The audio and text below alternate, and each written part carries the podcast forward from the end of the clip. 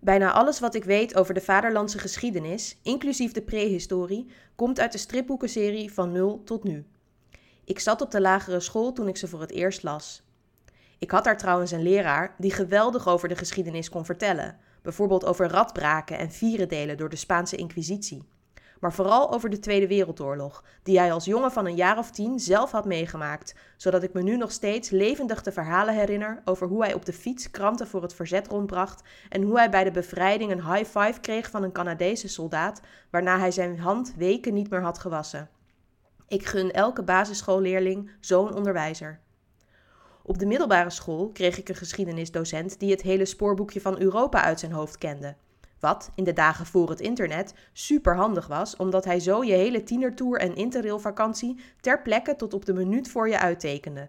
En dan bedoel ik ook echt tot in het kleinste detail, dus inclusief overstaptijden en perronnummers op het kleinste boerenstation in Portugal. Gelukkig had je voor de rest dus die geweldige stripboekenreeks van nul tot nu. De vaderlandse prehistorie komt er daar, ik heb het nog even nagekeken, trouwens vrij bekaaid van af. Twee pagina's worden er gewijd aan de steen-, brons- en ijzertijd. De geschiedenis van Nederland begint er pas echt, de titel zegt het al, rond het jaar nul met de komst van de Romeinen. Nu wordt de prehistorie doorgaans gedefinieerd als de periode uit de geschiedenis waar geen geschreven bronnen voor bestaan. Gelukkig dan maar dat wij Nederlanders, als het ons uitkomt, zo coulant zijn om een buitenlandse taal, in dit geval het Latijn, te accepteren om de start van onze vaderlandse geschiedenis te markeren want zelf kwamen we tot in de 8e of 9e eeuw niet veel verder dan weinig wetenschappelijke toverformules om bijvoorbeeld een paard met wormen te genezen. De alleroudste zin in een taal die op iets van Nederlands zou moeten lijken, stamt uit de 6e eeuw en staat in een wetboek. Ik maak je vrij, half vrije. Kort en krachtig, maar niet echt de equivalent van een Homeriaans epos vol heldendaden. Misschien wel de oorsprong van onze volksdrang om onze vrijheid niet te laten inperken door mondkapjes, corona-toegangsbewijzen en avondklokken. Deze zomer besloot ik om van de pandemische nood een deugd te maken en eens ouderwets vakantie te vieren in het tempo zoals mijn opa en oma dat vroeger deden: op de fiets. Nu heb ik het geluk dat mijn ouders aan de andere kant van het land wonen en zo werd het toch nog een behoorlijk avontuur. Zo weet ik nu dat onze majesteit de koning er kennelijk een sadistisch genoegen in schept om de vermoeide fietser door kilometers gruis te laten ploegen op kroondomein het Loo. Ik had dat van tevoren kunnen weten, want je kunt het natuurlijk gewoon zien op Google Street View. Maar waar blijft het avontuur als je alles van tevoren al weet en helemaal uitstippelt? Nu werd ik, ook op de terugweg, aangenaam verrast. Bijvoorbeeld door heidegebied de Borkelt zonder hier nu meteen een nieuwe toeristische trekpleister van te willen maken en dit stukje Sallands landschap daarmee voor goed te verpesten, kan ik een bezoekje zeker aanraden. Er lagen ook grafheuvels verspreid door het landschap, zo meldde het informatiebord mij. Zag ik inderdaad een glooiing hier en daar die er als kleine rimpels in de tijd aan herinnerde dat hier duizenden jaren geleden jagers achter groot wild aanzaten? Rendieren, oerossen, een mammoet wellicht? Is het misschien juist door het ontbreken van die geschreven bronnen door het feit dat hij zo van mysterie en duisternis doordrenkt is, dat de prehistorie zo lokt? Laten we wel wezen, je moet je fantasie wel aan het werk zetten om echt wat spannends te maken van zo'n grafheuvel, of zelfs van iets imposants als ons prehistorische pronkjuweel Hunebed D27. Helemaal waar is het trouwens niet dat er geen schriftelijke vastlegging heeft plaatsgevonden van de prehistorie. De taal waarin dit is gebeurd is alleen niet leesbaar voor geschiedkundigen of archeologen.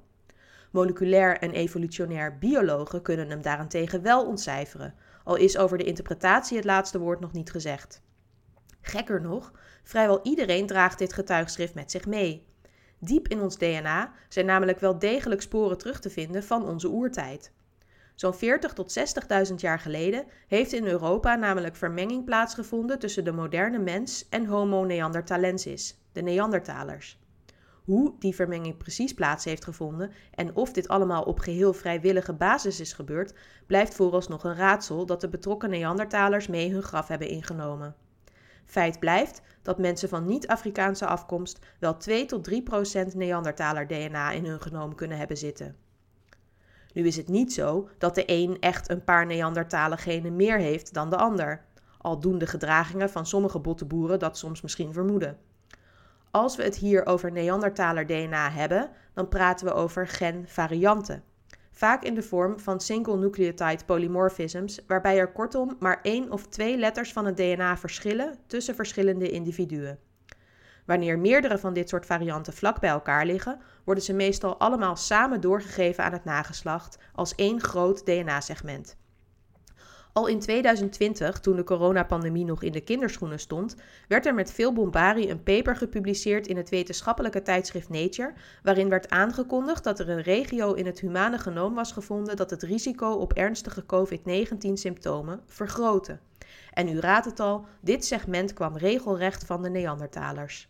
Zo'n 16% van de Europeanen en zo'n 50% van de Aziaten zou de Neandertaler variant van deze genetische regio hebben. Er liggen zo'n zes genen in dit gebied. En het is niet onaannemelijk dat subtiele verschillen in de eiwitten waarvoor deze genen coderen het ziekteverloop van COVID-19 kunnen beïnvloeden. Voor u nu in paniek raakt, dat had u al veel langer moeten zijn.